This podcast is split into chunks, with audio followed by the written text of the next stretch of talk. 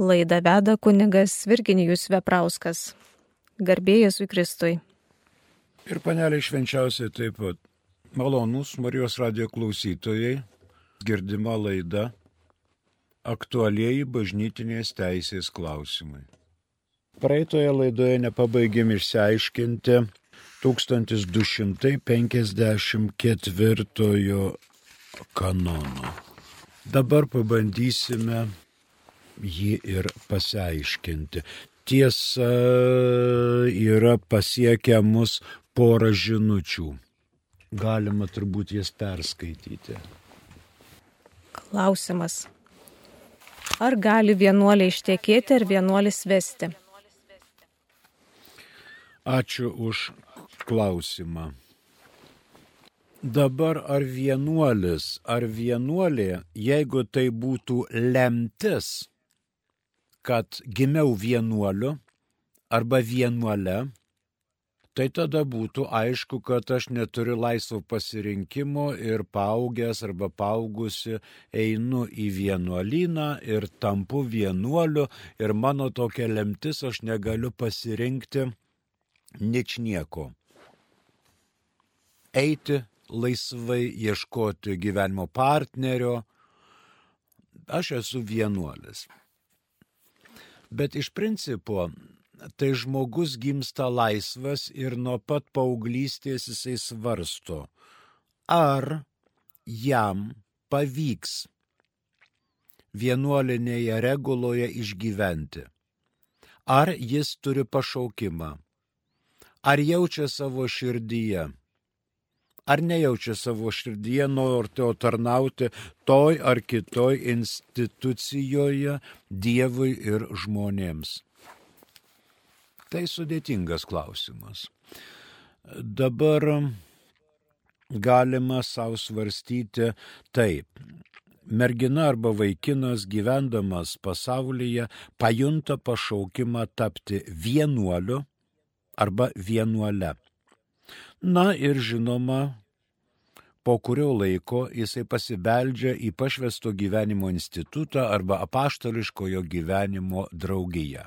Pasibeldžia. Ten jį, tarkim, priima. Pasižiūri, ar jisai krikštytas, privestas prie pirmos komunijos, prie sutvirtinimo sakramento, kaip ten toliau su jo gyvenimu. Gal buvo vedęs, gal buvo nevedęs, gal buvo tekėjusi, buvo netekėjusi ir taip toliau. Galų gale vyksta formacija žmogui skiriamas asmuo - palydėtoja, magistrė, juniorato, novicijato e, ir žmogus ugdomas, auklėjamas būtent tam tikroje atmosferoje. Yra regula, yra dienotvarkė. Ir pats asmuo stebi, ar jisai gali toje bendruomenėje gyventi ir bendruomenė stebi asmenį, tiek vyrą, tiek moterį, ar jis sugebėtų gyventi toje bendruomenėje. Jeigu taip, jeigu atsakoma teigiamai, žmogui po kurio laiko leidžiama duoti laikinuosius įžadus ir toliau tęsiasi jo formacija, po to galima imti ir jam leisti duoti amžinuosius įžadus. Apie tai sprendžia bendruomenė ir šios bendruomenės vyresnieji. Dabar tampa vienuolis arba vienuolė amžinųjų įžadų asmeniu. Laikosi regulos, laikosi dienotvarkės ir mato, kas dedasi aplinkui. Kažkas paskambina į duris, į vienuolyną ir sako, aš noriu, kad ta vienuolė tekėtų už manęs. Ar taip būna? Žinoma, kad taip nebūna. Turi būti kažkokia pažintis, draugavimas, bet jeigu žmogus apsisprendė, tai amžinieji viešieji įžadai yra kliūtis santuokai, jeigu imame bažnytinę santuoką. Žmogus turi nusivilti pašvesto gyvenimo institutu arba paštariškojo gyvenimo draugija, išeiti iš jos, paskui ieškoti savo kito gyvenimo būdo, tai yra galima. Žinoma, galima ir spjovusi viską išeiti ir sudaryti civilinę santoką. Bet tiek vienas, tiek kitas asmuo turi pažinti. Pažinti gyvenimą, sutikti vesti, sutikti tekėti. Tas pats yra ir su moterų vienuolynais, tas pats yra ir su vyrų vienuolynais. Iš principo vienuolis gali, bet tam yra sąlygos. Iš principo vienuolė irgi gali ištekėti, bet tam yra sąlygos. Amžinieji įžadai, kaip minėta, yra kliūtis santokai iš bažnytinės pusės. Iš civilinės pusės nėra galimybės, kad būtų sudaryta kliūtis santokai nes vis tik tai vienuolis gyvendamas vienuolinė arba vienuolė gyvendama vienuolinė laikosi regulos, laikosi vyresniųjų nurodymų, laikosi dienotvarkės ir sunku imti ir taip reiškia staigiai gyventi dvigubą gyvenimą, kažkokias pažintis užmėgsti ir taip toliau. Jau turi labai susitusukti smegenys. Po tam, po visko, jeigu jau išeinama iš vienuolino, su argumentacija, su motivacija, tada galima bandyti, kad žinoti, kad galima tą padaryti. Galima, iš principo galima. Tik tai neaišku, ar tai yra, ar tai yra naudinga, nors bažnyčia pripažįsta, kad atsitinka visokių dalykų, žmogus ne savo gyvenimą veda. Gali būti, kad tiekmėje, gyvenimo tiekmėje atsitinka vienas ar kitas dalykas, po kurio žmogus apsigalvoja, permasto, galbūt net ir susirga tada yra visai kitaip. Taigi vienuolis ir vienuolė gali iš principo tekėti, bet nebūdamas vienuoliu. Jau turi gauti paštalų sosto atleidimą. Toks atsakymas į šitą klausimą. Dabar kitas klausimas. Prašom. Sūnus uždarytas į kalėjimą, nes afekto būsenoje pakėlė ranką prie žmoną. Ar afekto būsenoje padarytas nusikaltimas yra nuodėmė? Ačiū už klausimą. Nuodėmės yra išvardytos dekalogė ir bažnyčios įsakymuose. Dabar reikia žiūrėti, kas yra afekto būsena. Jeigu žmogus uždarytas į kalėjimą dėl afekto būsenos, reiškia teismas prieimė sprendimą, kad tai nebuvo afekto būsena. Nes jeigu afekto būsena, žmogus yra nepakaltinamas. Visiškai nepakaltinamas. Arba iš dalies nepakaltinamas. Bet jeigu jis jau sėdi kalėjime, reiškia teismas padarė tyrimuką, iki teisminis tyrimas vykstu, vyko ir teismas nutarė, kad šis žmogus yra pakaltinamas. Dabar jis atlieka bausmę. Jeigu jis jaučiasi afekto būsenoj padaręs nusikaltimą, pakėlė ranką prieš žmoną ir jis to nesuvokė, jam nuodėmės nėra. Bet tada kyla klausimas, dėl ko jisai nesuvokė. Ar buvo stipriai įpiešęs, ar jam lyga sutrukdė, ar jam taip atrodė, kodėl jis taip padarė. Tai vėl kitas klausimas. Nuodėmė, žinoma, palenda po penktuoju Dievo įsakymu nežudyk. Tame tarpe ne atim gyvybės kitam, nežalok ne tik kito, bet ir savęs.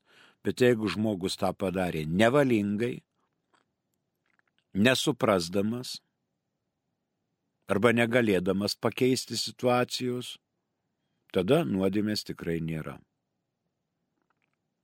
Jisai veikia afekto būsenoje. Čia jau jisai pats sprendžia. O jeigu teismas nusprendė, kad afekto būsenos nebuvo, jis sankcionuotą bausmę atlieka. Nuodėmė ir bausmė nėra tas pats. Nėra tas pats. Mes dar turim kokį klausimą, prašom. Dar turim. Ką daryti, jei neduoda ramybės išpažinta nuodėmė? per išpažinti pasakiau nuodėmę, kad nenorėdama perskaičiau šiek tiek horoskopo, tačiau po to vis tiek nuodėmė persekioja ir neduoda ramybės tai, ką perskaičiau. Ačiū už klausimą. Ta nuodėmė neduoda ramybės. Mes bandome tikėti Dievą Tėvą Visagalį ir jo sūnų vienatinį Jėzų Kristų, kuris pasakė bažnyčiai, kam atleisite nuodėmės, tiems jos bus atleistos, kam sulaikysite, sulaikytos. Bažnyčia atleidžia nuodėmės. Jeigu jums duotas buvo išrišimas, reiškia, reikia žinoti, kad nuodėmės nėra nėra nuodėmės. Visai visai, netrupučiuko, nėra. Ji yra atleista. Mums žmonėms veikia atmintis. Ji vėl ir vėl iš naujo mus blaško, primena, gražina į praeitį. Su šituo reikia kovoti, aišku, malda. Reikia žinoti, kad nuodėmės tikrai nėra, egzistuoja tik tai atmintis. Geriausiai visai neskaityti horoskopų, kadangi tai yra šiek tiek jau predestinacija. Ačiū. Prašom, kitas klausimas. Sveiki, esu vedęs ir turiu vaiką, tačiau šimta procentų žinau, kad mano kelias vienuolynė. Kokios galimybės? Ačiū. Įdomu, kaip jūs žinote, kad šimtų procentų jūsų kelias vienuolynė. Kai žmogus jaučia pašaukimą į vienuolyną, jis į vienuolyną ir eina vienuolinę reikia duoti amžinuosius įžadus - skaistybės, neturto ir paklusnumo. Ir iš šalies atrodo, kad čia yra balalaikos, kad čia niekas. Kas čia? Užsidarai vienuolinę, skaistybę praktikuoji, neturta taip pat, paklusnumas tai kas čia? Liepė nueiti į parduotuvę nueinu, liepė indus išplauti virtuvėje, išplaunu, liepė koridorių pratrinti. Taip pat liepė suskaldyti malkas ar anglius sukraut. Padarau ir viskas. Bet tai iš pirmo žvilgsnio. Kad jūs esate įsitikinęs, kad jūsų kelias vienuolinė, tai dar nieko nereiškia dar turi tuomi įsitikinti ir vienuolynas. Ir žiūrint koksai. Kontemplatyvus, apaštalaujantis arba krikščioniško gyvenimo bendruomenė nebūtinai pašvesto gyvenimo institutas. Koks vienuolynas? Dabar veda žmona, žmogus, turi vaiką, augina vaiką, vaikui ten 7-8 metai ir vyras sako, mano kelias vienuolynė. Nieko panašaus. Reikia vaiką užauginti iki pilnametystės. O po to reikia spręsti kur jūs norit pasinešti ir ar žmona jūs atleidžia. Nes žmona turi teisę į jūsų kūną, jūs turite teisę į žmonos kūną. Tai čia negali būti nei kalbos. Ir klausimas, kas jūs priims į vienuolyną, jeigu jūs turite žmoną ir, tarkim, kad ir užaugintą vaiką kuris vienuolynas išskėstom rankom jūs priims. Tai reikia įsispręsti pirmučiausiai visus šitokius klausimus. Po to galima kalbėti. Yra aišku galimybių, kai jau santuoka būna paskelbta negaliojančia, jinai yra išardyta. Va tada dar šiek tiek bet šiaip tai tokių galimybių nėra. Ir labai abejoju, kad jūs šimtų procentų esate įsitikinęs, kad jūsų kelias vienuolyne. Kas jums trukdo melstis intensyviau šeimoje, auginti ir ugdyti vaiką ir padėti žmonai gyvenime? Mažojoje bendruomenėje, nes vienuolynas yra didžiulė bendruomenė ir bendruomeninį gyvenimo būdą vesti tikrai yra nelengva. Dar turime kokį klausimą? Prašom. Iš kur Juozapas ir Marija sužinojo apie savo karališką kilmę, juk buvo paprasti darbininkai, skaityti rašyti nemokėjo, Senojo testamento žinovai, tyrinėtojai irgi jų nelaikė iš Dovydų giminės. Juk Senąjį testamentą sukūrė žydai, iš kur naujajame mes išmastėm, kad jie karališkos kilmės. Ačiū šitą klausimą. Dabar su karališka kilme Juozapas iš Dovydo giminės. Paskaitykite įžangą Švento evangelisto ir apaštalo Mato pirmą skyrių. Abraumui gimė Izaokas, Izaokui gimė Jokūbas, Jokūbui gimė Dartas, ten 14 kartų iki Babilonijos nelaisvės, 14 kartų po Babilonijos nelaisvės ir dar 14 kartų dar ten po to. Tai ten išskaičiuojame labai daugybė vardų. Tarkim, Tamara, kurios vardas irgi paminėtas pirmajame skyriuje Šventojo evangelisto ir apaštalo mato, net buvo turbūt ar ne laisvesnio elgesio moteris ir taip toliau. Ten buvo net ir nežydų tame sąraše. Tai vad buvo įrodyta, kad Juozapas yra iš Dovido giminės, iš karališkosios giminės. Dabar jie buvo paprasti darbininkai. Na, darbininkas, tai matot, dirba Dzeržinskio metalo apdirbimo fabrike ar dar kur nors.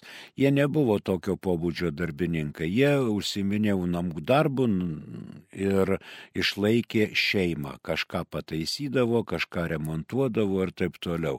Marija negalėjo būti paprasta darbininkė, nes jinai dar e, buvo net turbūt nesulaukusi pilnametystės, kai gimdė.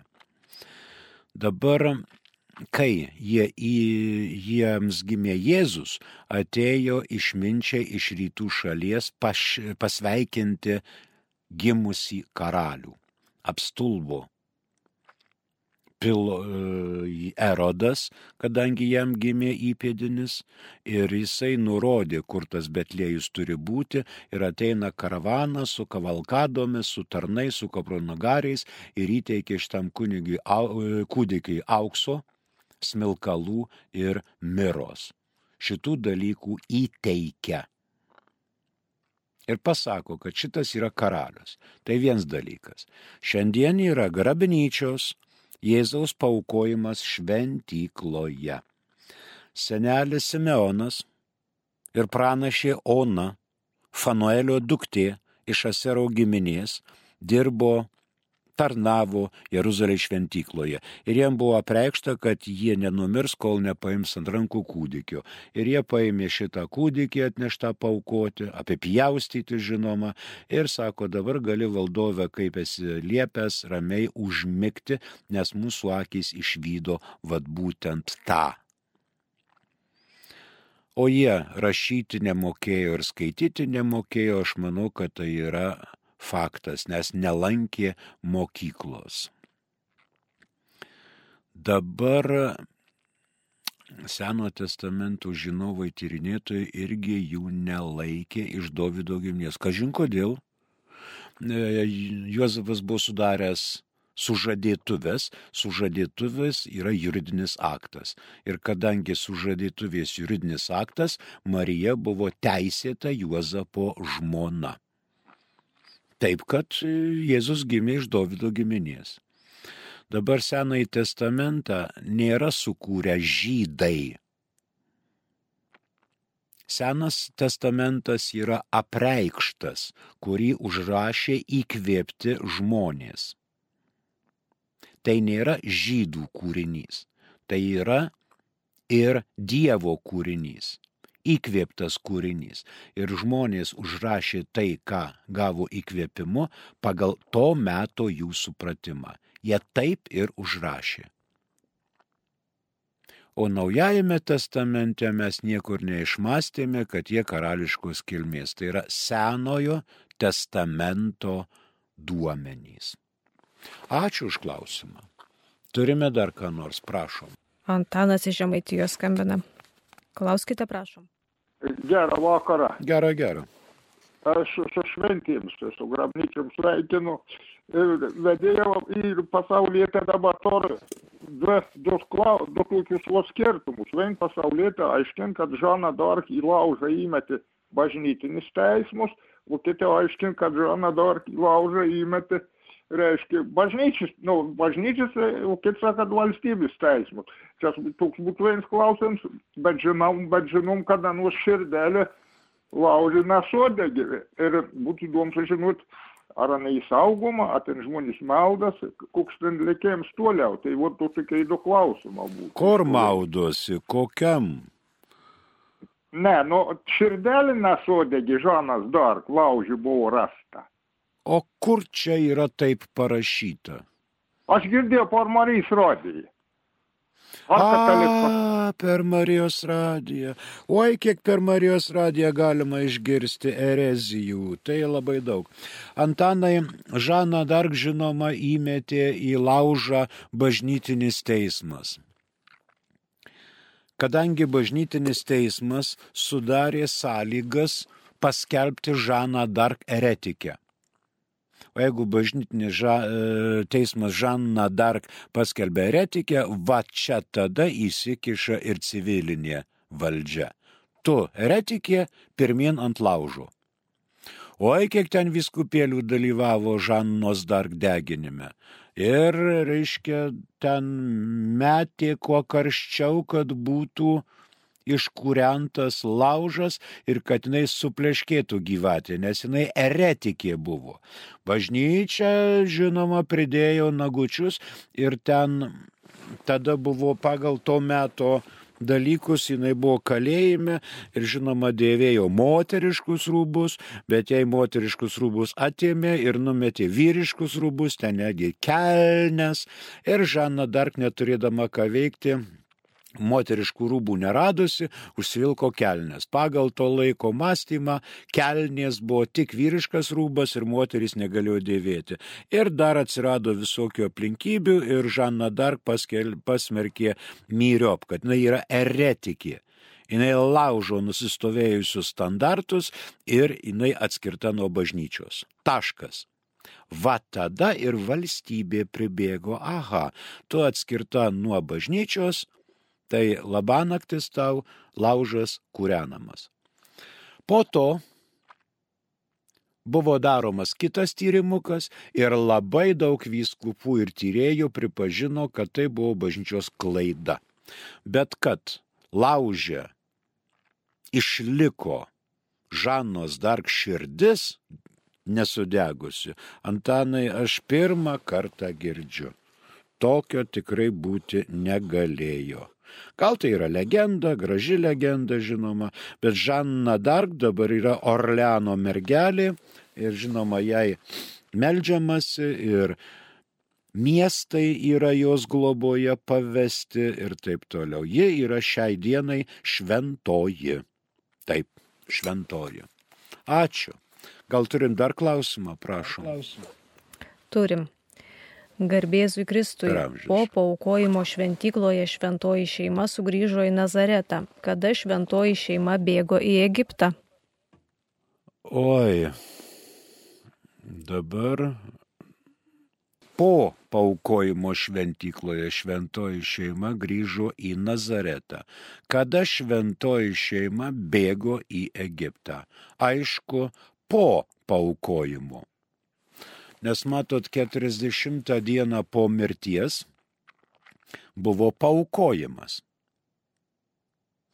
O Erodas liepė žudyti visus berniukus, vyriškos lyties asmenis, dviejų metų ir jaunesnius. Nu tai jis maždaug nežinojo, kada gimė Jėzus, todėl liepė nušienauti visus. Tai aišku, po paukojimo, nes Jėzus buvo atneštas į šventyklą paukoti 40 dieną po gimimo.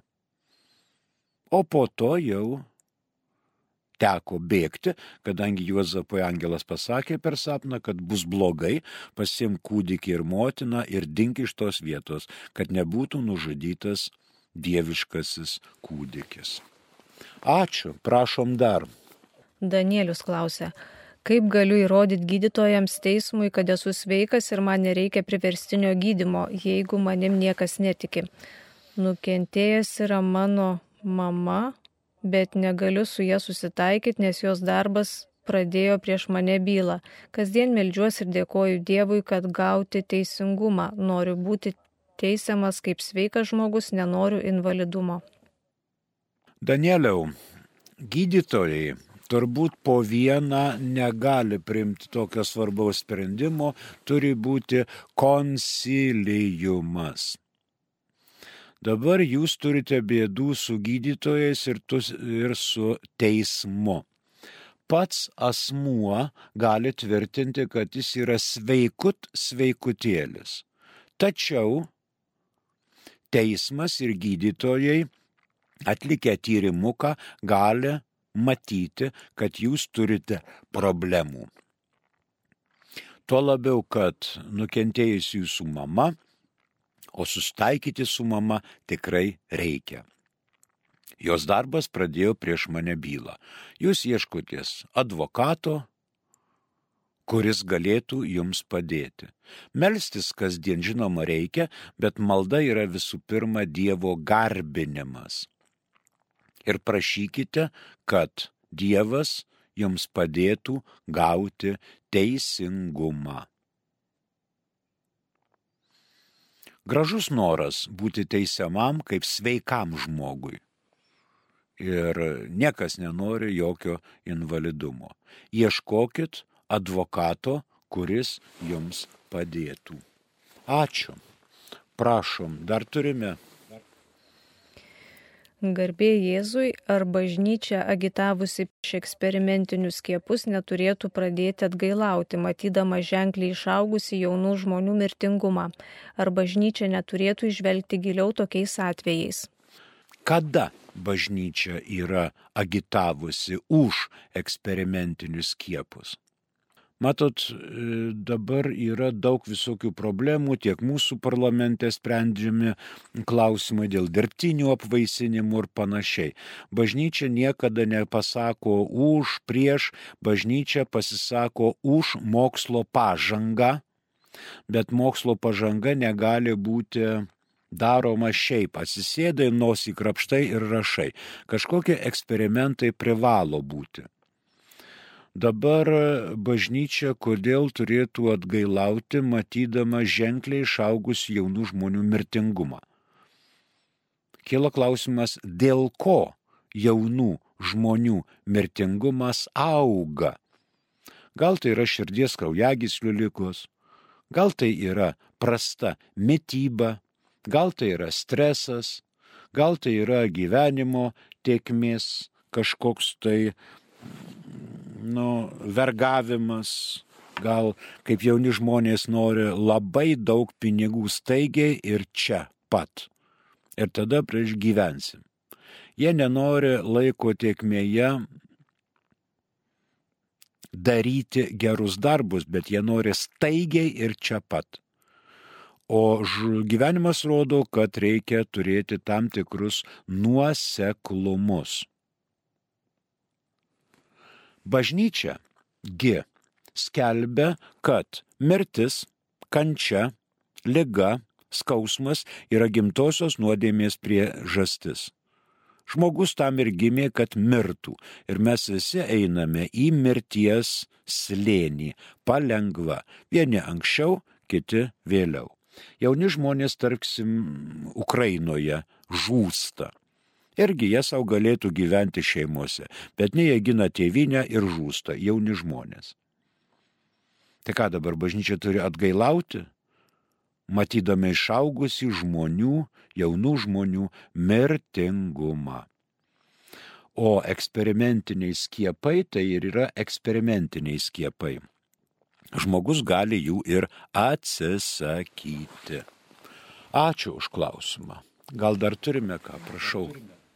Jei bažnyčia yra mistinis Kristaus kūnas, o mes jos nariai, tai kaip mes galim būti materialus, materialus fiziniai ir mistiniai metafiziniai vienu metu, juk mistika tai anapusybė. Aha, taip. Bažnyčia yra mistinis Kristaus kūnas. Mistinio Kristaus kūno galva yra Jėzus Kristus, o mes esame mistinio kūno nariai. Tuo pačiu mes jungiame savyje ir dvasinį, ir medžiaginį pradą. Čia tie visi operacijos mistiniais, metafiziniais, tai čia kaip. Kai nueisim pas Dievą, mes galėsim paklausti, kaip Dievas iš vieno sprogimo sukūrė visatą, kaip jisai sukūrė žmogų ir palaiko buvime O anapusybė visai neužilgo. Po mūsų kiekvieno mirties mes, e, kaip Jėzus sako, jūs tada nieko manęs neklausinėsite, viskas bus realybė. Bažnyčia nusako, kaip žmogui gyventi, kad jis pasiektų Dievą ir dangų. Dievą ir dangų, o ne analizuoja mistinius, metafizinius dalykus bažnyčia skelbia Evangeliją. Gerąją naujieną, tvirtindami, kad žmogus yra jau atpirktas Jėzaus Kristaus. Ir dabar kiekvienas žmogus turėtų prisitaikyti prie atpirkimo malonės per kryžių. Aišku, yra ir kitų tikėjimų. Bet apreikštasis tikėjimas yra krikščionybė. Kai Dievas pats pasakė, kaip jisai nori būti garbinamas, o ne mistiniais, metafiziniais vienu metu dalykais ir e, materialūs kūnai čia, anapusybė ir taip toliau. Bažnyčia tikrai yra mistinis Kristaus kūnas. Neaišku, kurios čia mes dalys to mistinio Kristaus kūno, bet tai nėra analogija su fiziniu žmogaus kūnu. Tai yra mistinis Kristaus kūnas, kurį sudaro visi pakrikštytieji. Ačiū. Dar turime ką nors? Neturime. Dabar šiandien yra pašvesto gyvenimo diena. Vienuolių diena apaštariškojo gyvenimo draugijų diena. Šiandien šventinamos bažnyčiose žvakės. Tai yra pašvestieji, kurie kaip žvakės spindi žemėje ir nurodo bažnyčios tikslą. Tai apsisprendusieji ir atsidavusieji Dievui.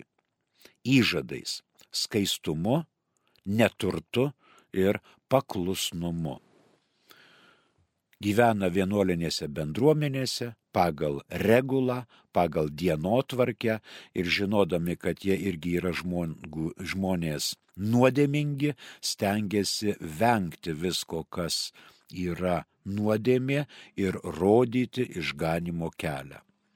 Pašvestasis gyvenimas, vienuolinis gyvenimas yra bažnyčioje nepaprastai svarbus. Todėl ir bažnyčia išleidžia dokumentus, rūpinasi, kad didėtų bažnyčios pašvestasis gyvenimas ir mes melžiamės, kad būtų daugiau pašaukimų į vienuolinį gyvenimą. Vienuolinis gyvenimas nėra labai paprastas.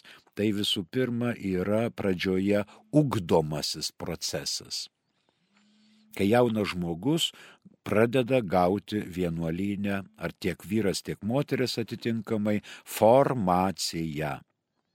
Tam žmogui skiriamas palydėtojas, skiriamas magistras arba magistrė, kuris rūpinasi šito žmogaus tolesnių formavimo.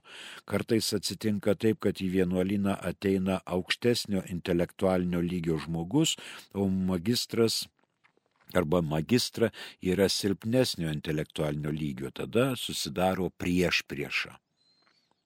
Tačiau faktiškai vyresnieji turi žiūrėti ir matyti, su kokiu intelektiniu koeficientu ateina žmogus į vienuolyną.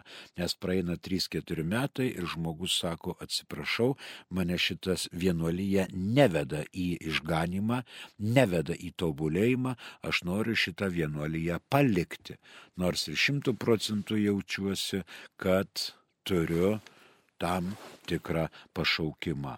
Taigi sveikindami visus vienuolius ir vienuolės su pašvesto gyvenimo dieną melžiame naujų pašaukimų į šitą gyvenimo formą. Ačiū Jums visiems už klausimus. Prie mikrofono dirbo kunigas Virginijus Veprauskas. Ačiū ir sudė.